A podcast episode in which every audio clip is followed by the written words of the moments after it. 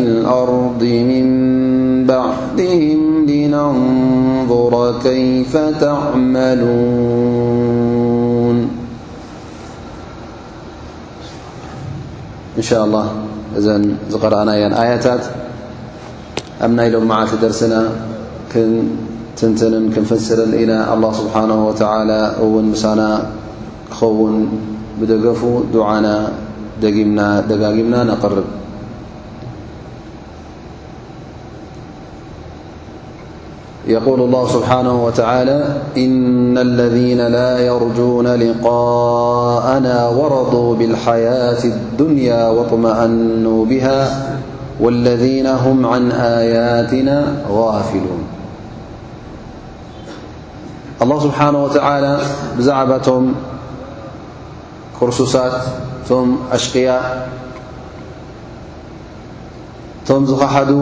ብኣላህ ስብሓን ወተዓላ እዞም ሰባት እዚኦም ፍጹም ጽባሕ ንግሆ ኣብ ቅድሚ ኣላ ስብሓን ወተዓላ ደው ከም ዝብሉ ረሲዖም ኩሉ ሃሞም ናብ ናይ ኣዱንያ ስለ ዝኾነ ጉዳይ ኣኼራ ካብ ልቦም ርሒቑ ስለ ዘሎ እዞም ሰባት እዚኦም ኣላ ስብሓን ወተዓላ ኣለዚነ ላ የርጁና ሊቃኣና ኢሉ ጠቒስዎም ማለት እዩ። ኣንጻርቶም ሙእምኒን ጽባሕ ንግሆ ኣብ ቅድሚ ኣላ ስብሓን ወተዓላ ደው ክብሉ ከም ምዃኖም እዚ መዓልቲ እዚ ከም ዝመጽእ ዝኣምኑ ከምኦም ኣይኮኑን እንታይ ደኣ እዚኦም ክሒዶም ማለት እዩ እጥመኣነት ንፉስሁም ልዱንያ ነዛ ኣዱንያ እዚኣ ናብኣ ጥራይ ኣተኪሮም ህየቶም ኩሉ ስራሖም ኩሉ ጥራይ ኣብ ናይ ግዜያዊ ረብሓን ናይ ኣዱንያዊ ረብሓን ጥራይ ስለ ዝኾነ እዞም ሰባት እዚኦም ፍጹም ኣኼራ ዝበሃል ኣብ ልቦም የለን ቅያማ ዝበሃል ኣብ ሓንጎሎም ቅርብ ኣይብልን እዩ እንታይ ደኣ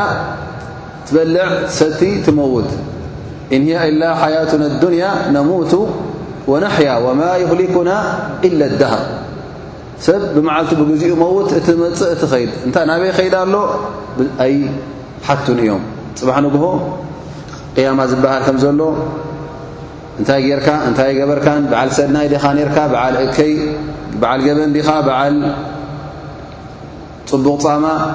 እዚ ዅሉ ኣይርእዮን ኣይርእይዎን እዮም። እዞም ሰባት እዚኦም ኣላ ስብሓን ወተዓላ እታ ኣዱንያ ኩሉን ትንኦም ገይሮማ ማለት እዩ ወጥመኣኑ ብሃ እሳያታ ደስታን እታ ናይ ርግኣትን ህድኣትን ቦታ ገይሮም ሪኦማ ማለት እዩ። ከምዛ ኣብ ኢዶም ዝሓዝዋ ካብ ኢዶም ከም ዘይተወጽእ ገይሮም ንሳ ጥራይ ከም ዝኾነት ንብረቶምን ህየቶምን ንዓኣ ጥራይ ስለ ዝሓዙ ኣላህ ስብሓነሁ ወተዓላ ወረዱ ብልሓያት ኣዱንያ ወለም ይፈኪሩ ብልሓያት ልኡኽራ ኣኼራ ዝበሃል ግልጽ ኣይበልዎን እንታይ ደኣ ነዛ ኣዱንያ ረድዮምላ ፈትዮምላ እቲ ዘሎ ሽሻይ እቲ ዘሎ ደስታን ዊንታን ናይ ኣዱንያ ጥራይ ኩሉ ናብኡ ገስጊሶም ንሱ እውን ኣዕጊብዎም ማለት እዩ ሙእሚን ግን ናይ ኣዱንያ ራህዋን ደስታን ኣይዕግቦን እዩ እንታይ እዩ ዘዕግቦ ናይ ኣኼራ ምኽንያቱ ናይ ኣዱንያ ደስታ ንገዛእ ርእሱ ሓላፊ ስለ ዝኾነ ምሉእ ደስታ ኣይኮነን ምሉእ ፍስሃ ኣይኮነን እቲ ምሉእ ፍስሃን ደስታን ኣበኻ ትረኽቦ ኣብ ጀና ኢኻ እትረኽቦ ስለዚ ኣዱንያ ነቲ ሙእምን ዝኾነ ሰብ ፍጹም ኣይተዕግቦን እያ ዓይኑ ኣይትመልኣሉን እያ እንታይ ደኣ ከም ምንታይ እዩ ዝርኣ ከም ጉዕዞ ከም መገሻ ከም መገሻ ዝርኣ መጨረሻ ዝበጽሖ ቦታ ኣለዎ ማለት እዩ እዚኣ ግን ጉዕዞ እያ እዚ ጉዕዞ እዚ ይናሕ ይሕፅር ከምቲ ኣላ ስብሓን ወተዓላ ዝሃበካ ዕድመ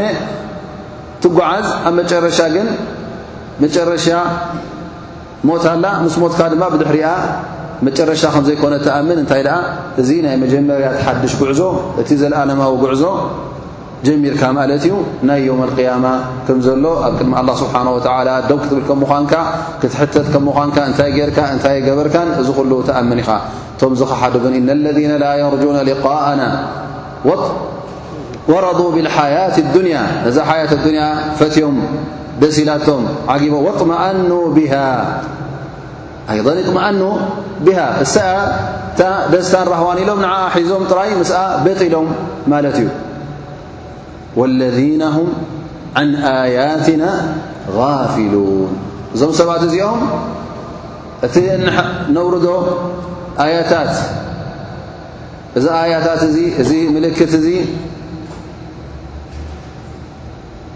ቃላዊ ይኹን ናይ ቁርን ናይ ሸሪዓ ይኹን ከምኡ ውን እቲ ኣላ ስብሓን ወተላ ዝሓለፈ ኣያት ዝጠቐሶ ናይ ሰማይን ምድርን ኣፈጣጥራ ይኹን ናይ ነብሶም ኣፈጣጥራ ኩሉ أيتعبون زعم جلأيبلون والذين هم عن آياتنا غافلون يقول الحسن والله ما زينوها ولا رفعوها حتى رضوا بها وهم غافلون عن آيات الله الكونية فلا يتفكرون فيها والشرعية فلا يأتمرون بهان ዓን ኣያት ላ ልከውንያ ኣያት ላ ኣሸርዕያ እቲ ኣያት ላ ልከውንያ ዝበሃል ናይ ነፍስኻ ፍጥረትን ናይ ሰማይን ምድርን ፍጥረትን ኩሉ ኣላ ስብሓን ወተዓላ ዘርእካ ዘሎ ተኣምር እዚ ኩሉ ግልፃ ኣይበልዎን ዞም ሰባት እዚኦም غፈሉ ዓን ዘንጊዖም ማለት እዩ ከመይ ገይሩ ተኸሊቑ ከመይ ገይሩኸ ክሳዕ ሕጂ ይነብር ኣሎ መን ዩኸ ከምዚ ገይሩ ዘናብዮ ዘሎ ግልጽ ኣይበልዎን እታ ነብሶም ንገዛእ ርእሳ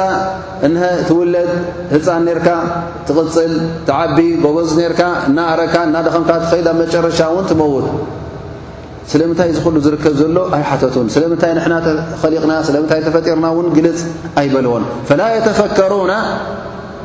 ፊ ኣያት ላ ኮ ምኽንያቱ ቁሩብ ነዚ ነገር እዚ ሓሲቦምሉ ተዝኾኑ ነይሮም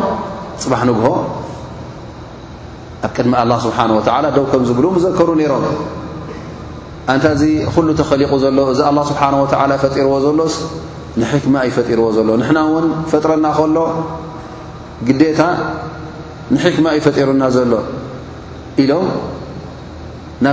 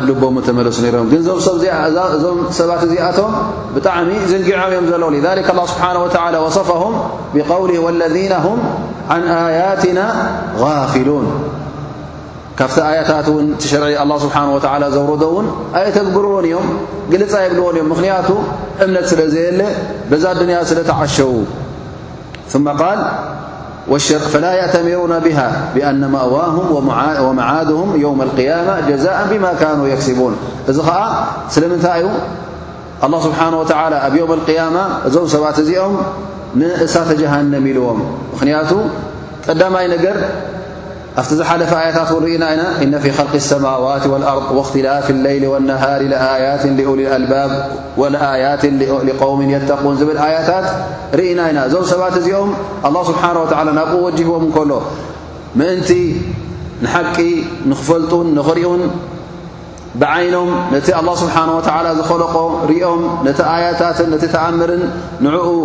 ተዓዚቦም ኣብ ክንዲ ናብ ሓቂ ዝበፅዑ እዞም ሰባት እዚኦም ግልፅ ኣይበልዎን ተዓሚቶም ሓሊፎ እሞ ብዓይኖም እናረኣይዎ ከለዉ ከምዘይረኣይዎ ኮይኖም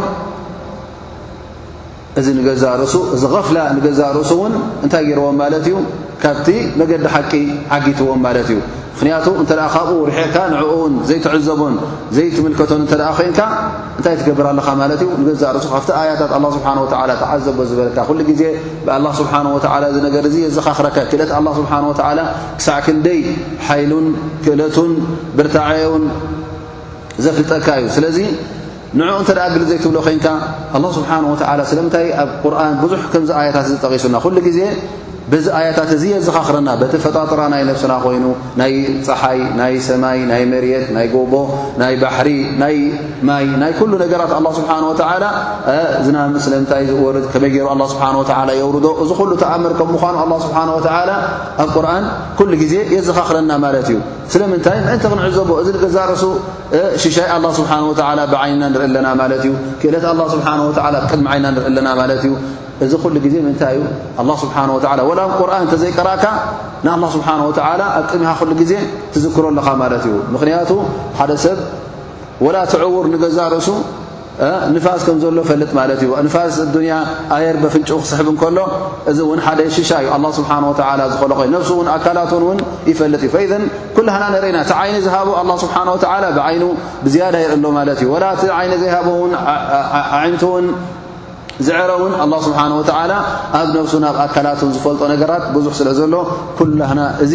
እንታይ እዩ መዘኻኸሪ ማለት እዩ ንኣላ ስብሓን ወተዓላ ክእለቱን ክብረቱን ምእንቲ ከይንርስዕ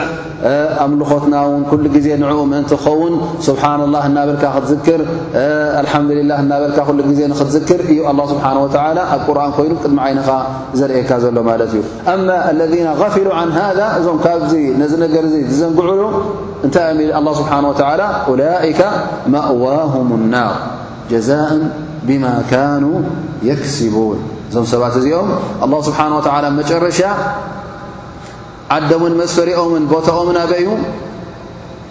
ኣፍታ እሳተ ጀሃነም ስለምንታይ ጀዛኣን ብማ ካኑ የክስቡን ባዕሎም በቲ ኢዶም ብኢዶም ዝፈፀምዎ ገበን ማለት እዩ ምክንያቱ ኣብ ኣዱንያ ከለዉ እዞም ሰባት እዚኦም ገበናት ጥራዮም ዝፍፅሙ ነይሮም ንኣላ ስብሓን ወተላ ኣየምለኹን ኣዱንያ ኩሉን ህይወቶም ንዓ ስለ ዝሃቡ እቲ ንኣላ ስብሓን ወተዓላ ዝግባእ ኣምልኾት ኣይሃቡን ነቲ ኣላ ስብሓን ወተዓላ ዘውረዶ ሸርዒ እውን ግልፂ ኢሎም ኣይረኣዩን በቲ ናይ ኣላ ስብሓን ወተዓላ መምርሕን ሸርዕን እውን ኣይከዱን ስለዚ እዞም ስብዕት እዚኦም ኣብ ክሕደትን ኣብ ጥፍኣትን ስለ ዝነበሩ ኣብ ዮም ኣልቅያማ ኣላ ስብሓን ወተዓላ ድማ በቲ ገበኖም ክንቲ ገበኖም ክንቲ ዝገበርዎ ገበን ኣላህ ስብሓን ወተዓላ ክቐፅዖም ኡላይከ ማእዋሁም ናሩ ብማ ካኑ የክስቡን ላ ስብሓን ወተዓላ እውን ኣይዕምፆምን እዩ ክቐፅዖም እንከሎ እታ ዝገበርዋን እታ ተጋገይዋን ጥራይ እዩ ዝቐፅዖም ካልእ ሰብ ተጋገዮ ንዕኦም ኣየሕልፎን እዩ ተጋግዮም ኢሉ እውን ኣይድርበሎምን እዩ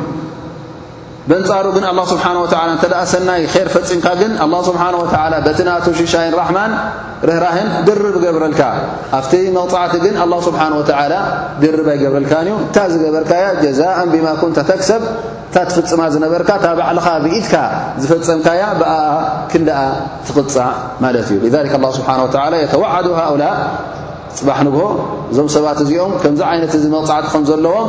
የጠንቅቖም ኣሎ ማለት እዩ ተጠንቀቑ እብለና ኣሎ ንዓና እውን ከምዚ ዓይነት ከምዞም ሰባት እዚኦም ክንመስል የብልናን ላቡዳ ኣን ነርጁ ሊቃእ ኣላ ፅባሕ ንግሆ ምስ ኣላ ስብሓን ወተዓላ ክንራኸብ ከም ምዃንና ኣብ ቅድሚ ኣላ ስብሓን ወተዓላ ደው ክንብል ከም ምዃንና ዮም ኣልቅያማ ከም ዘሎ ክንኣምን ኣለና እዚ መዓልቲ እዚ ከም ዝመጽእ እውን ካብ ሓንጎልና ክርሕቕ የብሉን እዛ ኣዱንያ እዚኣ እውን ከተዐሸወና የብላን እሳ ኣይኮነትን መንበሪትና እሳ ግዜያዊት እያ ብኣ ክንዕሾ የብልናን ክንረድያን ክንፈትዋን የብልናን እንታይ ደኣ ከም መሕለፊ ከም መንገዲ ጌርና ከም መስነቒ ስንቅና እንውስኸላን እንድርበላን ዮም ኣልቅያማ ዝኾነና ስንቂ ክንሕዘላ ክንክበላ ኣለና ማለት እዩ ስለዚ እዚ ተግባር እዚ ኩሉ ጌጋ ከም ምዃኑ ኣ ስብሓ ወ ዘርእየና ዘሎ ካብኡ ውን ንጠንቀቕ ካብቲ ኣያት ላ ስብሓ ወ ውን ክንዝንግዕ የብልናን ካብቶም ጋፍሊን ክንከውን የብልናን ማለት እቲ ኣላ ስብሓ ወ ዘርእየና ዘሎ ብዓይንና ተኣምር ኣብቲ ቁርኑ ኣስፊርዎ ዘሎ ድማ ትእዛዛት ኩሉ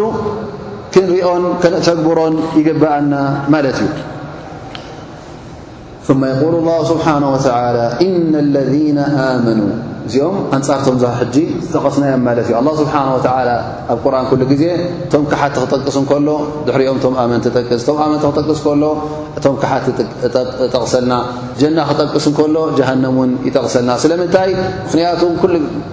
እቲ ነገር እንተ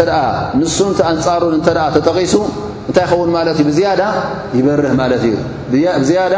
ይግለጸልካን ይብየነልካን የቁል ላ ስብሓን ወተላ እና ለذነ ኣመኑ ወዓሚሉ صሊሓት እዚ ድማ ኣላ ስብሓን ቶም ኣሽቅያ እቶም ቅርሱሳት መን ከም ምዃኖም ዝተቐሰ እቶም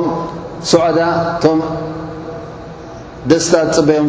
ዘሎው መን ከም ምዃኖም ይጠቕሰልና ኣሎ ማለት እዩ ሶም እቶም ዝኣመኑ ብኣላ ስብሓን ወተላ እነ ለذነ ኣመኑ ብሓቂ ኣላ ከም ዘሎን ዝኣመኑ ኣምልኾት እውን ንዕኡ ጥራይ ዝሃቡን እቶም ልኡኻት እውን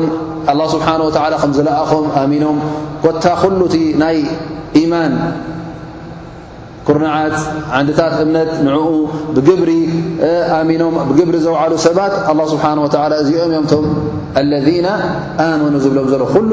ክእመን ዝግብኦ ብሸርዒ እስልምና ብኣላ ክትኣምን ብመላእካ ክትኣምን ብልኡኻን ክትኣምን ብዮም ቅያማ ክትኣምን እዚ ኩሉ ዘማልኡ ሰባት ኣብ ርእሲኡ ድማ ጥራይ ልባዊ እምነት ዘይኮነ ተግባራት እውን ዘማልኡ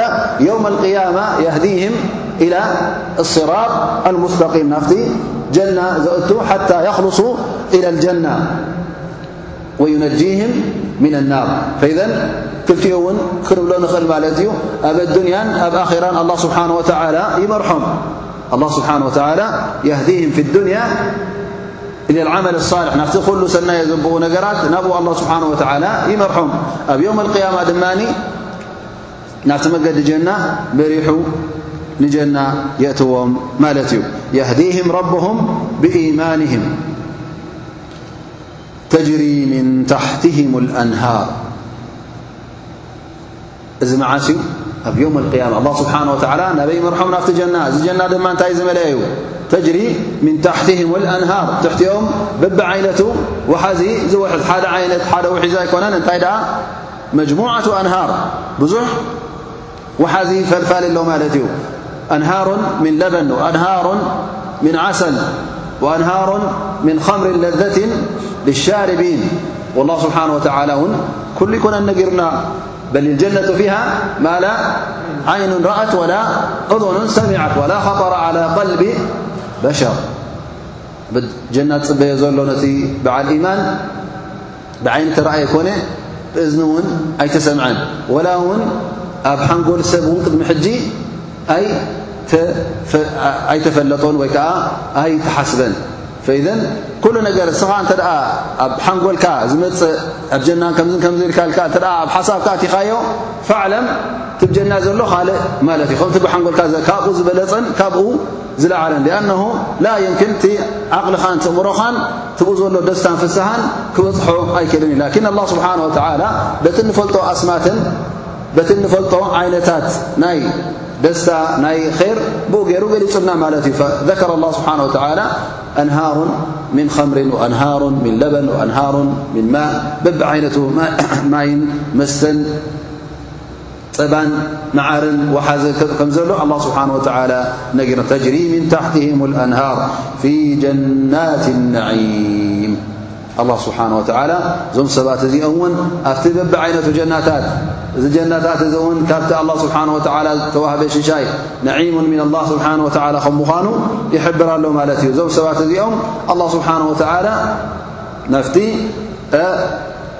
ሽሻይ ኣላህ ስብሓን ወተዓላ በቢ ዓይነቱ ፍስሃ ዝመልኦ ኣላ ስብሓን ወተዓላ ኣብኡ ከም ዘእትዎም ይሕብረና ማለት እዩ ኣብኡ እውን እዞም ሰባት እዚኦም እዞም ሙእምኒን ዳዕዋሁም ፊሃ ስብሓነከ ኣላሁማ ወተሕየትሁም ፊሃ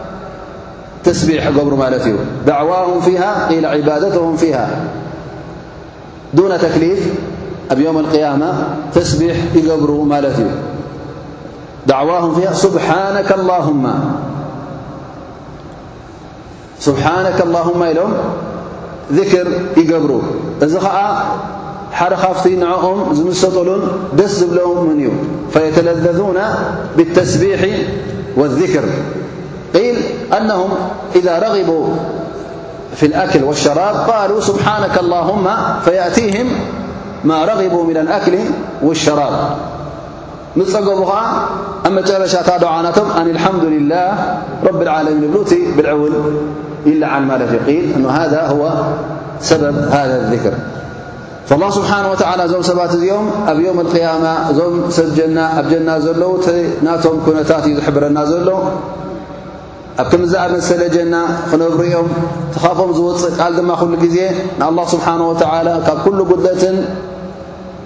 ካብ ኩሉ ነቐፌታን ናፃ ይገብሩ ተስቢሕ ይገብሩ ማለት እዩ ስብሓነከ ላሁማ ይብሉ ነንሕዶም እውን ክዛየሩ እንተ ደኣ ኮይኖም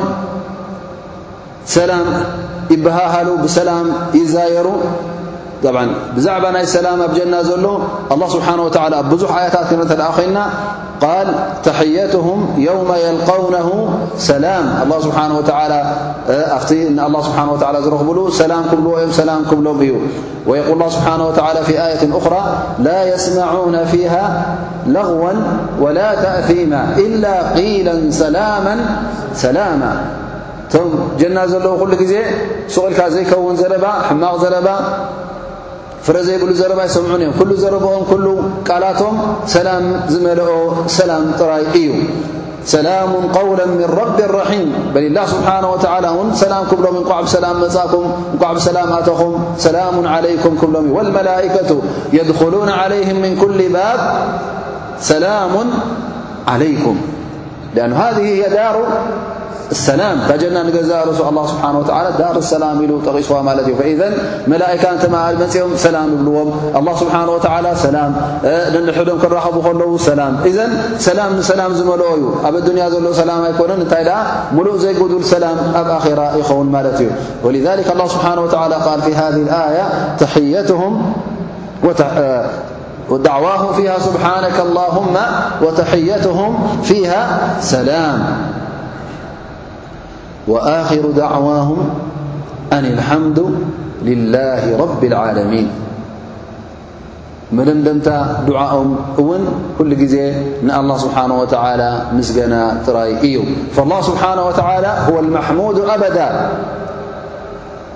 ኣልማዕቡዱ ዓላ ጡል ልመዳ ኣላ ስብሓን ወተዓላ ኩሉ ግዜ ንሱ ጥራይ እዩ ትምስጉን ንሱ እዩ ኸዓ ንመዋእል ኣምልኾት ዝወሃብ ስለዚ ኣላ ስብሓን ወተዓላ ኩሉ ግዜ ኣብ ቁርን ክደር ከለና ንነፍሱ የመስግና መሬት ክኸልቕ እንከሎ ሰማይ ክኸልቕ እንከሎ ከምኡ ውን ቁርን ከውርድ እንከሎ ኩሉ ብምስጋና ጀሚሩልና ማለት እዩ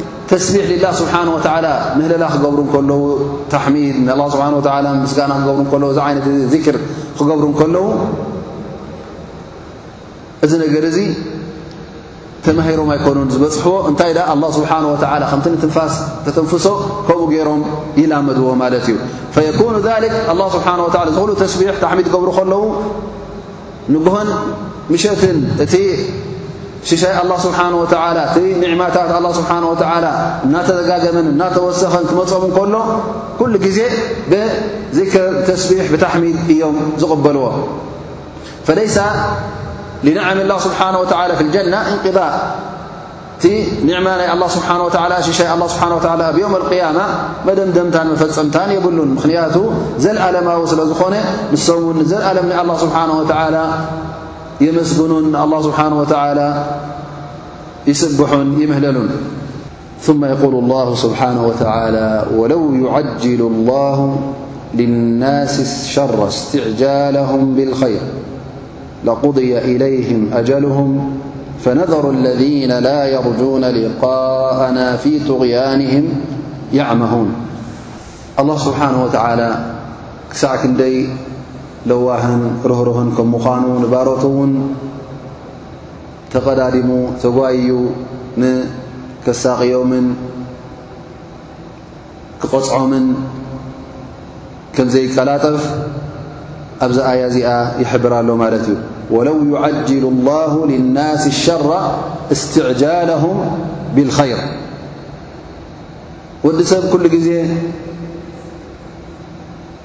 ሓሳባቱ ክምቲ ኣእምሮኡ ጎደሎ ስለ ዝኾነ ኣብ ብዙሕ ቦታታት ቁኑዕ ርእቶ የብሉን ማለት እዩ የቁል ስብሓን ወተላ ወየስተዕጅሉነካ ብሰይኣቲ ቐብለ ሓሰና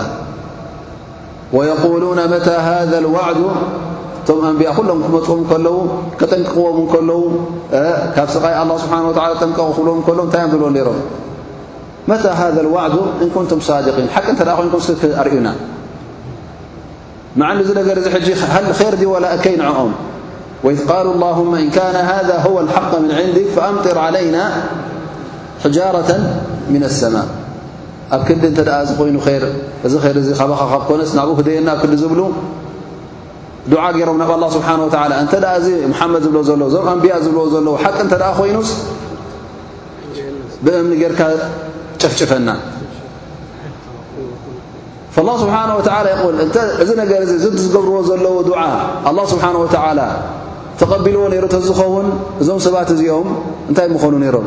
ይጠፍኡ ነይሮም ግን ኣላ ስብሓን ወተዓላ ነዚ ዱዓ እዙ ኣይቅበሎን እዩ የደናጉዮ ር ንር ዱዓ ክትገብር ከለኻ ግን ቀልጢፉ ይህበካ ማለት እዩ ፈበኒ ኣደም ኩሉ ግዜ ንነብሶም ኣንጻር ነፍሶም ኣንጻር ማሎም ኣንጻር ስድረኦም ዱዓ ይገብሩ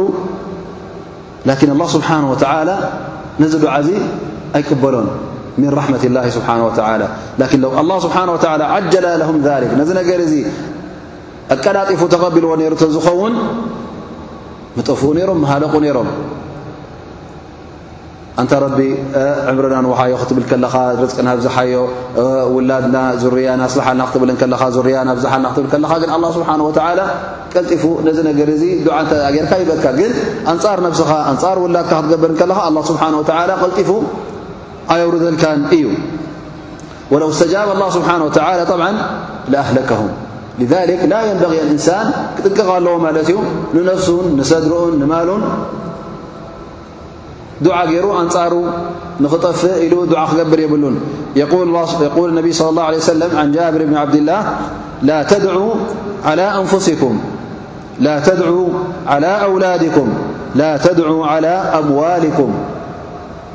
لا توافقوا من الله ساعة فيها إجابة فيستجيب الله لكم ስለዚ ኩሉ ግዜ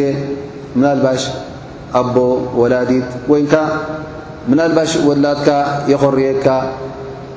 ስለዚ ሕማቕ ዘረባ ካባኻ ክወፅእ የብሉን ኣንፃሩ ዱዓ ክትገብር የብልካን ኣንፃር ማልካን ኣንፃር ወላድካን ኣንፃር ነፍስኻን ዱዓ ክትገብር የብልካን ምኽንያቱ እዚ ዱዓ እዚ ኣላ ስብሓን ወተዓላ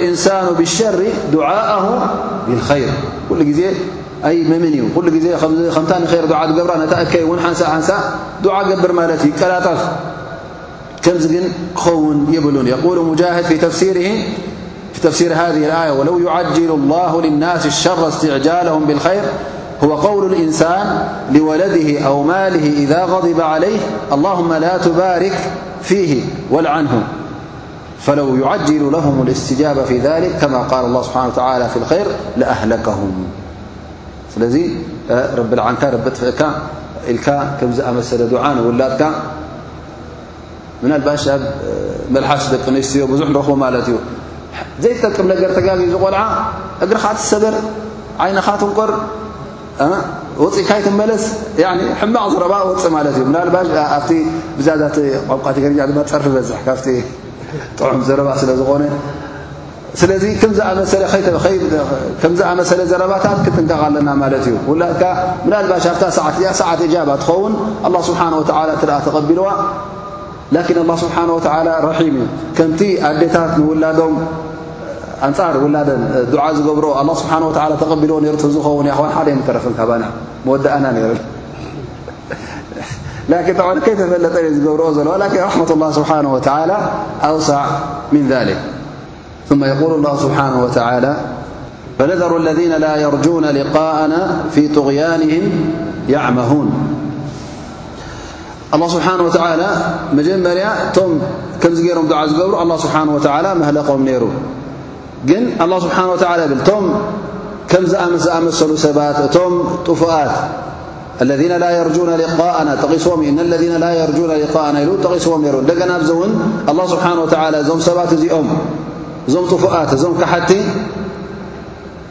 ንሶም ውን ኩሉ ግዜ ኣንጻር ነብሶም ዱዓ ገብሩ ማለት እዩ ላ ስብሓን ወተላ የጠንቅቖም ኣሎ ግን ካብ ኣበዩኸ ኣላ ስብሓን ወተላ የደርሁም ኣብቲ ጥፍኣቶም ንኽቕፅሉ ፊ ጥቕያንህም የዕመሁን ኣይ የተረደዱና ሓኢሪና ላ ያህተዱን ኩሉ ግዜ ኣብቲ ጥፍኣቶም ኣብኡ ይቕፅሉ ማለት እዩ መገዲ ሓቂ ኣይፈልጡን ኣብቲ ፀልማት ድርበስበስ ክብሉ ኣላ ስብሓን ወተዓላ ኣብኡ ይገድፎም ማለት እዩ ስለዚ መን እዮም እዚኦም እቶም ፅባሕ ንግሆ ቅያማ ከም ዘሎ ዘይኣምኑ ኣብ ክሕደት ዘለዉ ማለት እዩ ንሶም እዮም ከዓ ኩሉ ግዜ ኣንፃር ነፍሶም እውን ዱዓ ዝገብሩ ከምቲ ዝጠቐስናዮ ኣላ ስብሓን ወተዓላ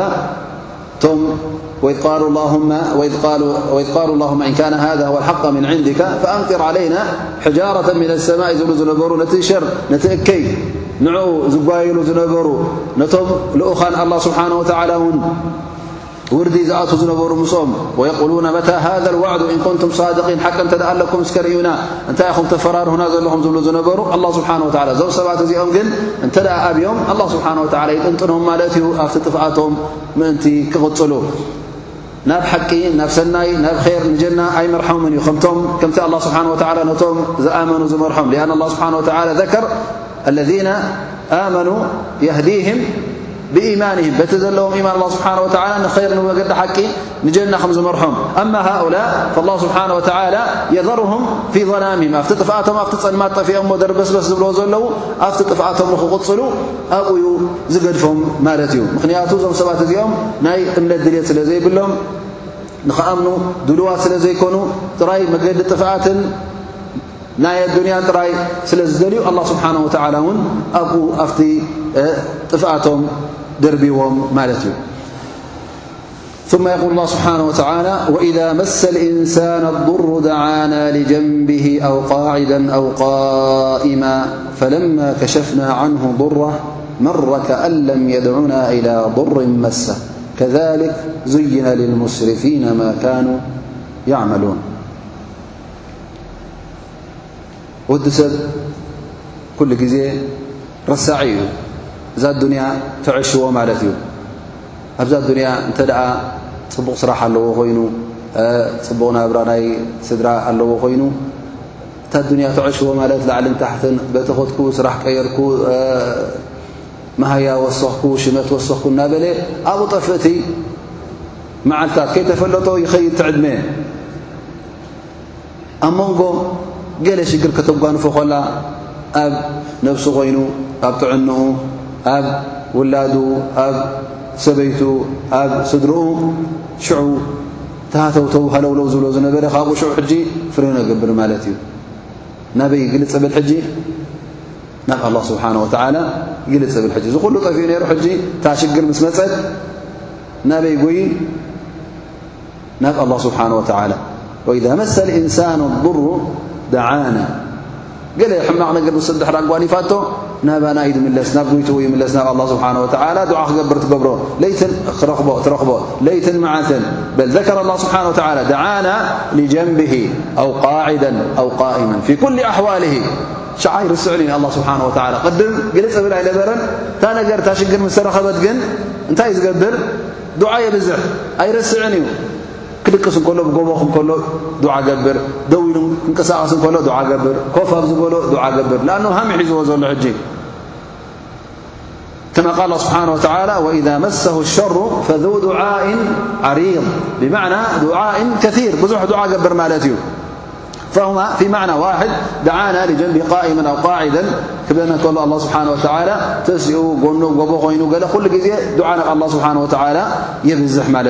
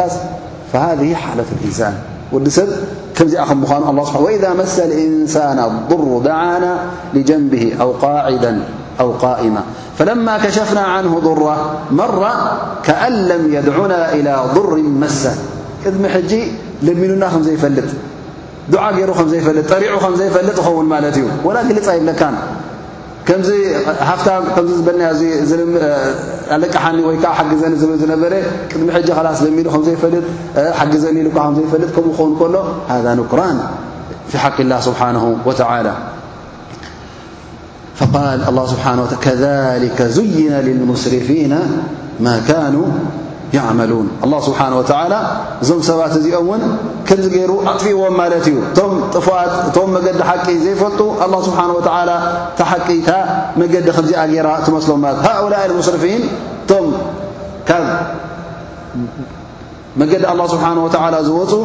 እዞም ጥፉኣት እዚኦም እቲ ሓቂ እዚኣ ትመስሎም እዚኣ ኸዓ እታ መንገዲ እታ ቕንዕቲ ትመስሎም ከሊክ ዙይን ሃዛ ወለ እዚ እቲ ፅቡቕ እመስሎም ማለት እዩ መዓንሁ እዚ ነገር እዙ እሱ ይኮነ እቲ ፅቡቕ ግን ኣብ ዓይኖም ንሱ ፅቡቕ እመስሎም እታ ኣዱንያ እታ ሒዞማ ዘለዉ ንሱ ፅቡቕ እመስሎም ላኪን ኣላ ስብሓን ወተላ የዝኩር እነ ሃኡላ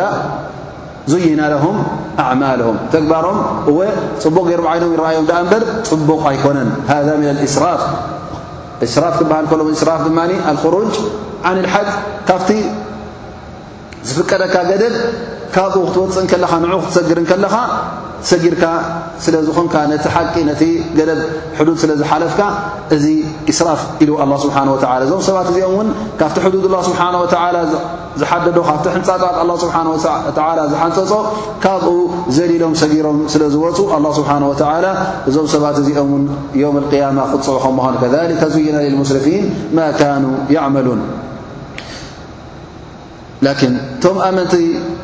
ክጠቕሶም እንከሎ ኣላ ስብሓን ወተዓላ እቲ ዝወርዶም ሽግራት ንኸይሮም ከም ምዃኑ ጠቒሱና እነቢይ ስለ ላ ለ ሰለም የቁል عجبا لأمر المؤمن لا يقضي الله له قضاء إلا كان خيرا له إن أصابته ضراء فصبر كان خيرا له وإن أصابته سراء فشكر كن خيرا له وليس ذلك لأحد إلا للمؤمن الؤن في الضراء والسراء ተፈለየ እዩ ከምቶም ክሓቲ ይኮነን እቲኦም ኣብ ግዜ ሰናዮም ንኣላ ስብሓን ወተዓላ ኣይዝክሩን እዮም ምስጋና ዝበሃል ኣይፈልጥን እዩ ኣብ ግዜ ሽግሩ ግን ናብ ኣላ ስብሓን ወተዓላ ይጓየ ብሸዓ ድማ ታኼር ምስ ረኸብታ ጉዳዩ ምስተፈትሐትሉ ድማኒ ምስጋና ኣላ ስብሓን ወተላ ይርስዕ እታ ሽግር ከም ዘጓነፈቶ እውን ይርስዕ ኣመል ሙእምን ም ሙእምን ግን ኩሉ ግዜ ኣላ ስብሓን ወተላ እንተ ደኣ ሰናይ ሂብዎ ንዚ ሰናይ እዙ የመስግኖ ኣልሓምዱላ ብል እዚ ረኺበዮ ዘለኹ መዓስ ብኢደይ ብኢደ ወነነ ረኺበዮ ኣላ ስብሓን ወተላ ይሂቡኒ ንኣላ ስብሓን ወተላ ኣመስግን ኢሉ የመስግን እንተ ደኣ ኣብ መንጎዚ ሰናይ ናብርኡ እንተ ሽግር ኣጓኒፍዎ ሕማቕ ነገር እተ ኣጓኒፍዎ እውን መጀመርያ ብትዕግስቲ እዩ ዝቕበሎ መጀመርያ ብትዕግስቲ እዩ ዝቕበሎ ኣላ ስብሓን ወተዓላ እውን እዩ ዘልዕለኢሉ ይኣምን ላኪነሁ ላ የጅዛዕ ፍጹም ውን ኣይስንብድን እዩ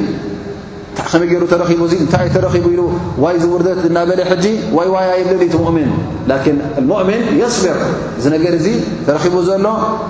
ካብ ኣላ ስብሓን ወተዓላ ዝወረደኒ እዩ ስለዚ ትዕግስቲ ክገብር ኣለኒ ትዕግስቲ ክገጥሞ ኣለኒ፣ ናብ ጎይታይ ክምለስ ኣለኒ ኢሉ ይቕበል ማለት እዩ። ኣመ ልጀዛእ እዚ ካብ መን እዩ? ካብቶም ክሓድቲ እዩ። እቲ ክሓዲ እዩ እንተ ኣብዛ ኣዱንያ ሕማቕ ንእሽተይ ነገር እተ ዕንቅፍ ኣቢላቶ ብጣዕሚ ይስንብድ። ምኽንያቱ እሳ ንገዛርታ ጀናናቱ እዛ ኣዱንያ ስለ ዝኾነት።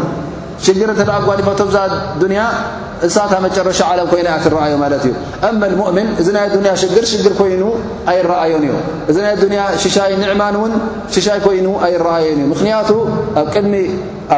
ኣብ ቅድሚ ውፅበዮ ዘሎ እቲ ብልቡ ዝኣምነሉ ካብዚ ናይ ኣዱንያ ሽሻይ ዝዓቢ ሽሻይ ኣሎ ካብዚ ናብ ኣዱንያ ዝርከብ ዕንቅፋትን ሽግራትን ስቓያትን እውን ኣሎ ኣብ ዮም ኣልቅያማ ስለ ዝብል እቲ ናይ ኣዱንያ ራህዋን ፍስሃን እቲ ናይ ኣዱንያ ሽግራትን ዕንቅፋትን ኩሉ ኣብ ዓይኑ ትሑት እዩ እቲ ዝለዓለ ራህዋን ሽሻይን ኣበዩ ኣብ ዮም ቅያማ ከም ዘሎ ስለ ዝኣምን እዘን ዘጓንፎ ሰናይ ኣብ ኣዱንያ ብልሓምዱልላህ ይቕበሎ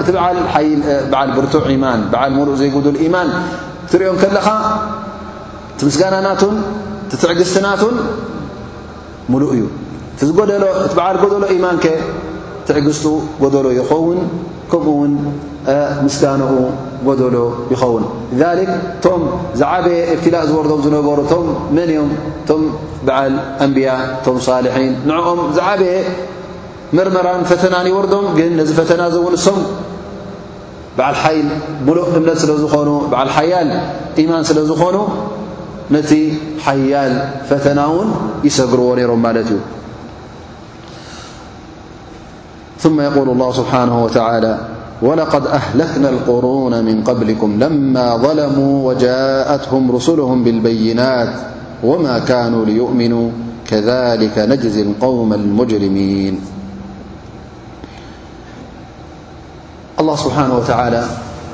ከምዚ ዓይነት ተግባራት ማለት እስራፍ ከምኡ ውን ክሕደት ሓድሽ ነገር ኣይኮነን ናባኹም ተረኽበ ሕጂ ዝርከብ ዘሎ ኣይኮነን እንታይ ደኣ ቅድሚ ሕጂ እውን ነይሩ እዩ ኣላ ስብሓን ወተዓላ ቅድሜኹም ዝፈጠሮም ሰባት ነይሮም ንሶም እውን ተጋግዮም መገዲ ሓቂ ከይሕዙ ካብ መገዲ ሓቂ ተኣልዮም ንመገዲ ጥፍኣት መገዲ ኮንቱ ዝኸዱ ነይሮም ላ ስብሓን ወተዓላ ነዞም ሰባት እዚኦም ኣህሪቕዎም ኣጥፍእዎም ሰንኪቲ ዝገበርዎ ገበን ወለቐድ ኣህለክና ልቁሩነ ምን ቐብሊኩም መታ ለማ ዘለሙ ኣላ ስብሓን ወተዓላ እቶም ዝሓለፉ ቅድሚኹም ዝነበሩ ሰባት ዝተፈላለዩ ኣህዛብ ኣብ መሉእ ዓለም ዝነበሩ ንሕና ሓደሽቲ መዓስ ኮይና ይኸዋና ነቢ ስለ ላሁ ለ ወሰለም ክልኣኹ ከለዉ መዓስ ቀዳማይ ነቢ ነይሮም ኮይኖም እንታይ ደኣ ናይ መጨረሻ ነቢ እዮም ነሮም ቅድሚኦም ብዙሓት ኣንብያ ልኡኻን ሓሊፎም እዮም ብዙሓት ኣህዛብ እውን እዛ ዓለም እዚኣ ሰጊሮማ ሓሊፎማ እዮም ስለዚ ንሕና ወረስቲ ናይቶም ዝሓለፉ ኢና ሓደስቲ ኣይኮናን ላህ ስብሓን ወተዓላ የዘኻኽረና ኣሎ ማለት እዩ ብመን በቶም ዝሓለፉ እቶም ዝሓለፉ ቅድሚ ሕጂ ዝነበሩ ብሰንኪ ጌጋናቶም ንኣላ ስብሓን ወተዓላ ኣብ ክንዲ ዘብልኹ ኣብ ሽርክ ስለ ዝወደቑ ምስ ኣላ ስብሓን ወተዓላ ተዳራጊ ስለ ዝገበሩ ኣላ ስብሓን ወተዓላ ቅጽዕዎም ኣህሊቅዎም ወለቐድ ኣህለክና ኣልቁሩና ምን ቐብሊኩም ለማ ዘለሙ እቲ ኣያታት ኣላ ስብሓን ወተዓላ ዘውረዶ መርትዖታት ኣላ ስብሓን ወተዓላ ዘውረዶ ንዅሉ ነጺጎም እቲ ብዓይኖም ዝርእዎ ዝነበሩ ናይ ፍጥረት ኣላ ስብሓን ወተዓላ ሰማይን ምድርን ናይ ኣካላቶም ናይ ማይ ናይ ከዋኽብቲ ዅሉ እናረኣዩ ከለዉ እዚ ዅሉ ኣያታት ብቕድሚ ዓይኖም እናረኣዩ ከለዉ እዞም ሰባት እዚኦም እዚ መርትዖታት እዚ ኣይዕገቡምን ናብ ሽርክ ናብ ጥፍኣት ምስ ወደቑ ኣላ ስብሓን ወተዓላ ነዞም ሰባት እዚኦም ጠፂዕዎም ኣህሊቕዎም ኣቕፊእዎም እዚ ሕጂ ቀዳማይ ነገር መጠንቀቕታ ማለት እዩ ላ ስብሓን ወተዓላ ብለካ ኣሎ እንተ ደኣ ንስኻ ውን ኣሰር ናይዞም ዝጠፍኡ ሰባት እንተ ደኣ ተኸትልካ ተግባራቶም እንተ ደኣ ጌርካ ክሕደት እንተ ደኣ መሪፅካ ኣላህ ስብሓን ወተዓላ ልክዕ ከምኦም ክቐጽዓካ እዩ ከጥፍኣካ እዩ ንስኻ ሓድሽ ኣይኮንካን ቅድሜኻ ነይሮም ምናልባሽ ካባኻ ዝሕይሉ ካባኻ ዝብርትዑ እውን ነይሮም ይኾኑ ኣላ ስብሓን ወተዓላ ነዞም ሰባት እዚኦም ቅድጫ ይበሎም ከጥፍኦም ከህልቆም ውን ክኢላ እዩ ከህልቆም እውን ክኢሉ ንዓኻ ውን ንኸህልቐካ ክኢላ እዩ ስለዚ ተጠንቀቕ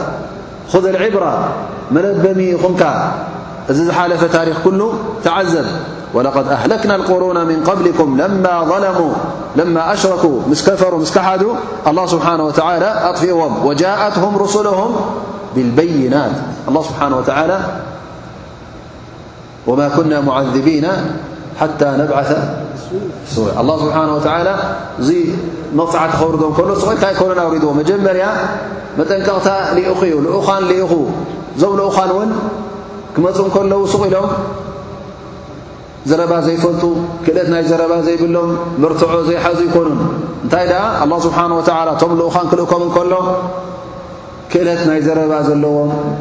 ንኽገልጹ ዝኽእሉ፣ ገሊጾም ከረድኡ ዝኽእሉ፣ ኣረዲኦም እውን ብመርትዖ ከም ዘረድኡ ጥራይ ሱቕ ኢልካ ዘረባ ኣይኮነን። መትሓዚ ዘይብሉ ዘረባ ወይ ከዓ መእሰሪ ዘይብሉ ዘረባ ኣይኮነን ዘረብኦም እንታይ ደኣ ልኡኻን ጎይታ ስለ ዝኾኑ እዞም ሰባት እዚኦም ሑጀት መርትዖታት ሒዞም እዮም ዝቐርቡ ነይሮም ልኡኻን ኣላ ስብሓን ወተዓላ ላኪን ወዲ ሰብ ነዞም ሰባት እዚኦም ኣይተቐበለን ኣይኣመነን ምስ ዘይኣመነ ድማ እዚ ኩሉ ምርትዖ ተዋሂቦ እዞም ልኡኻን መፂኦም ተዛሪቦ ሞ እሱ እዚ ኩሉ እናሰምዐ ከሎ እንዲ ኣብዩ ላ ስብሓን ወተላ እዚ ካብ ኮነ ع ولقد أهلكنا القرون من قبلكم لما ظلموا وجاءتهم رسلهم بالبينات وما كانوا ليؤمنون ل مسترخم أي آمنون نت امن ونيز فالله سبحانه وتعالى م ست م كذلك نجزل قوم المجرمين بعل جبن مجرم زن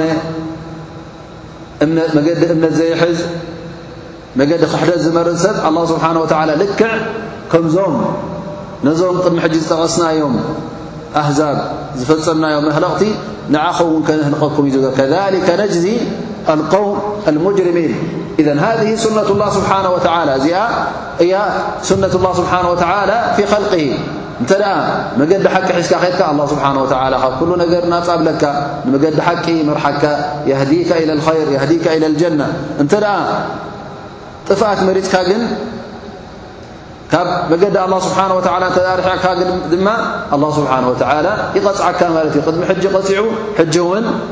ከምዚ ዝሓለፈ ገይሩ ከምኡ ክቐጽዓካ ከሊከ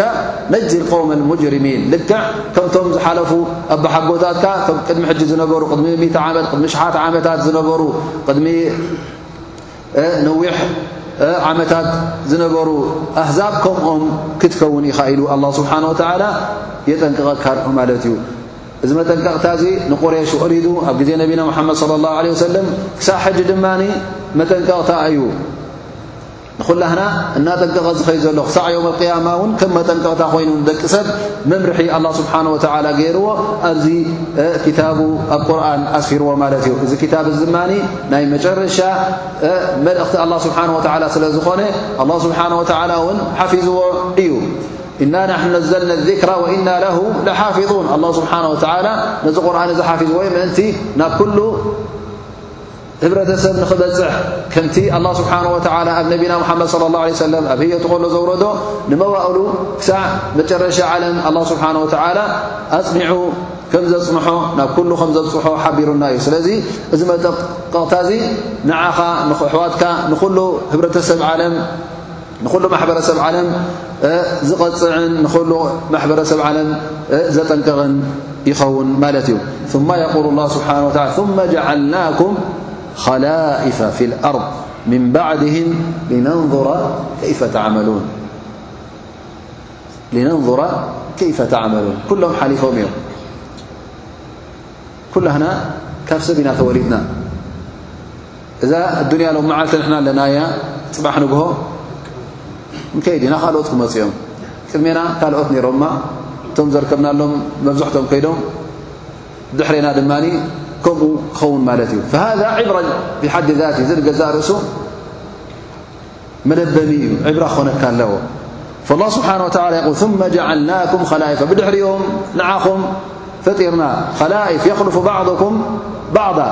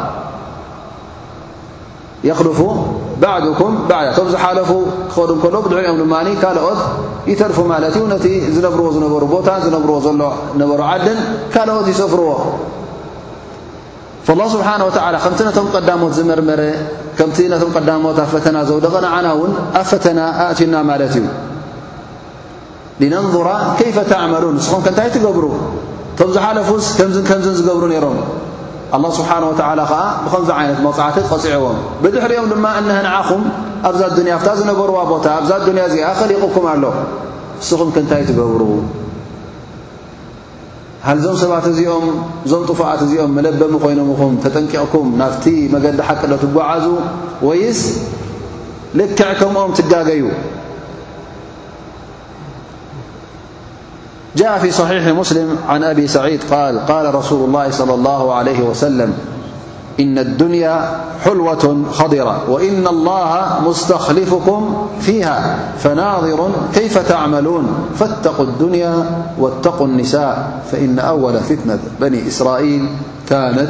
في النساء فالنبي - صلى الله عليه وسلم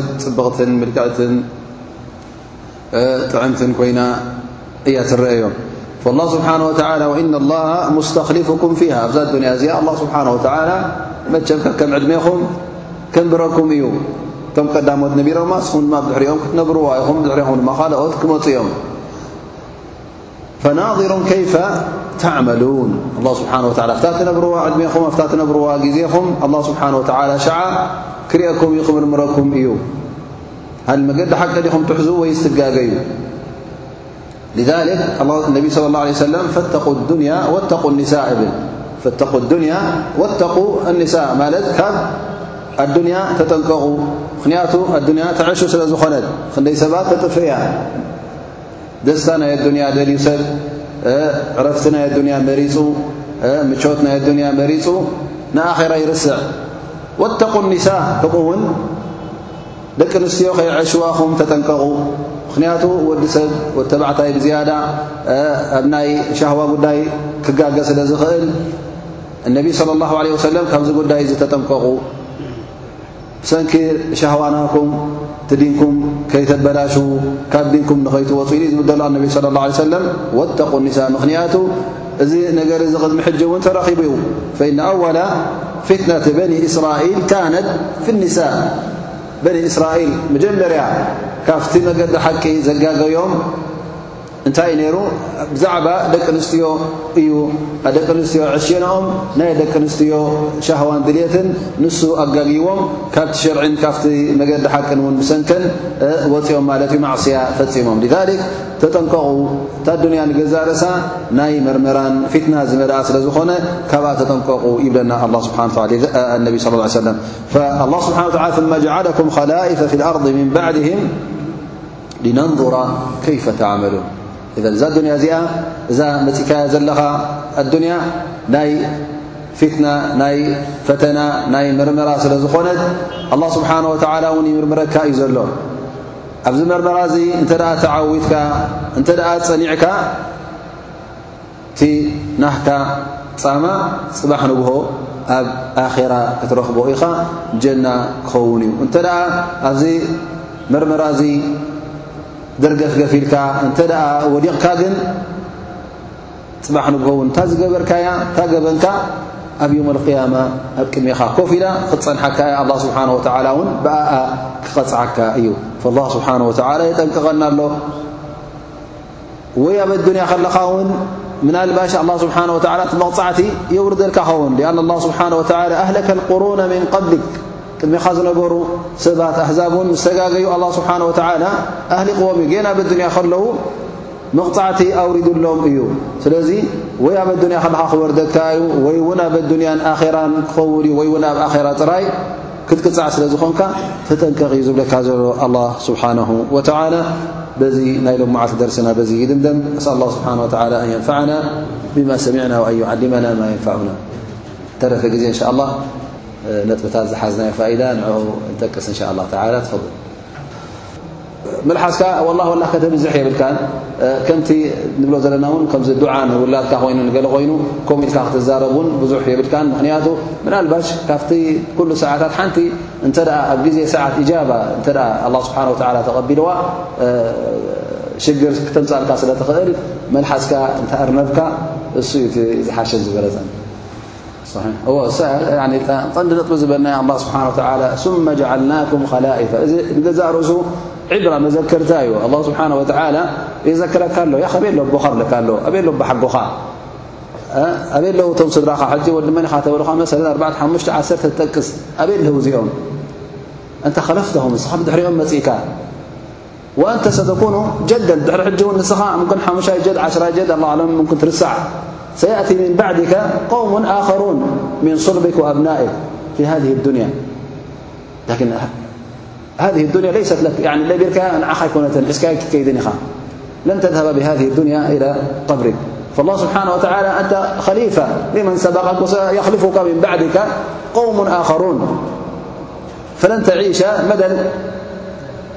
الدنيا يم القياةن لتنبر فالله سبحانه وتعالى لما قال لك خلائف معنى ذلك أنت أتيت خلف أناس وسيأتي خلفك أناس فعمر هذه الدنيا بتقوى الله سبحانه وتعالى وعمرها بالطاعة ህየ ላሓዛት ዓመታት ውሑድ ዓመታት እዩ ነዚ ዓመታት እዚ ብጣዕ ኣሕልፎ ብሰናይ ተግባር ኣሕልፎ እዩ ዝብለካ ዘሎ ንእሽተይ ፈተነ እየ ሓታ እንታይ እዮም ዝብሉ ክቲ ዓድና ምስላ ክኸሎ ሸውዓተ ዓመት ከይምሃሩ ሰብ ዓመት የድንክሩ እስኻ ሕጂ ንጉል ሰብ ዓመት ወይ ከዓ ዕስራ ዓመት ዲንካ ንኸይ ትሕዝ ዳሕራይ መዋእልካ ተጥፍእ ኣለኻ ማለት እዩ ንገዛእ ምስላ ጥቀመሉ ትኽእል ማለት እዩ እዛ ኣዱንያ ክንደይ እያ ክንደይ ዓመት ኢኻ ክትነብረላ ኣዕማሩ ኡመቲ ማ በይነ ስቲን ወሰብዒን ያኒ ሰብዓ ዓመት ንበር እስኪ ተማኒን እዘን ሰብዓ ዓመት እዘን ሰማንያ ዓመት ንዕአን ቀጥ ኣቢልካ ንኸይትሕዝ ፅባሕ ንግሆ ናይ መዋእል ክሳራ ትኸስር ማለት እዩ ዘለኣለማዊ ስቓይ ትረክብ ወይ ካብ ዘለኣለማዊ ደስታ እውን ትሕረም ማለት እዩ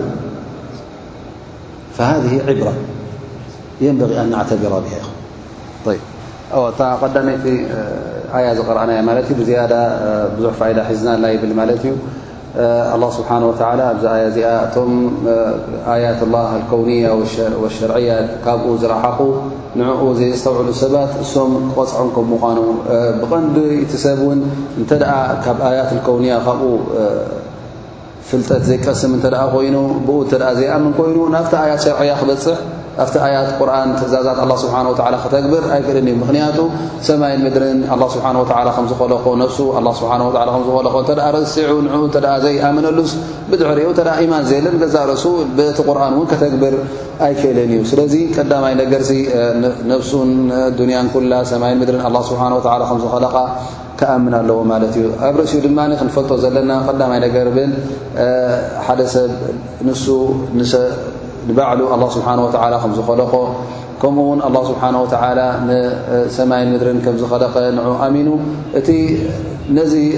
ዝኸለቀ ድማ ቁርን ከም ዘውረደ ሸርዒ ከም ዘውረደ ኣሚኑ ምስ ኣመነ ነቲ ኣያታት ኣላ ስብሓን ወተዓላ ድማ የተግብር ማለት እዩ እዚ ቁርን እዚ ድማ ኣላ ስብሓን ወተዓላ ማሕፉዝ ገይርዎ እዩ ንመዋእልና ብኡ ክንነብር ዝመፅእ ታሪኽ ኣብ ዝመፅእ ዓመታት እውን ንሱ ሓባሪናን መራሒናን ንክኸውን ኣላ ስብሓን ወተዓላ እዚ ቁርን እዚ ማሕፉዝ ገይሩልና ማለት እዩ እዚኣ ኣሕፅር ኣቢልና ኣቕሪብናያ ማለት እዩ ኣቁል ቀውሊ ሃ ወኣስኣል ስብሓን ወተላ ኣን የንፋዕና ብማ ሰሚዕና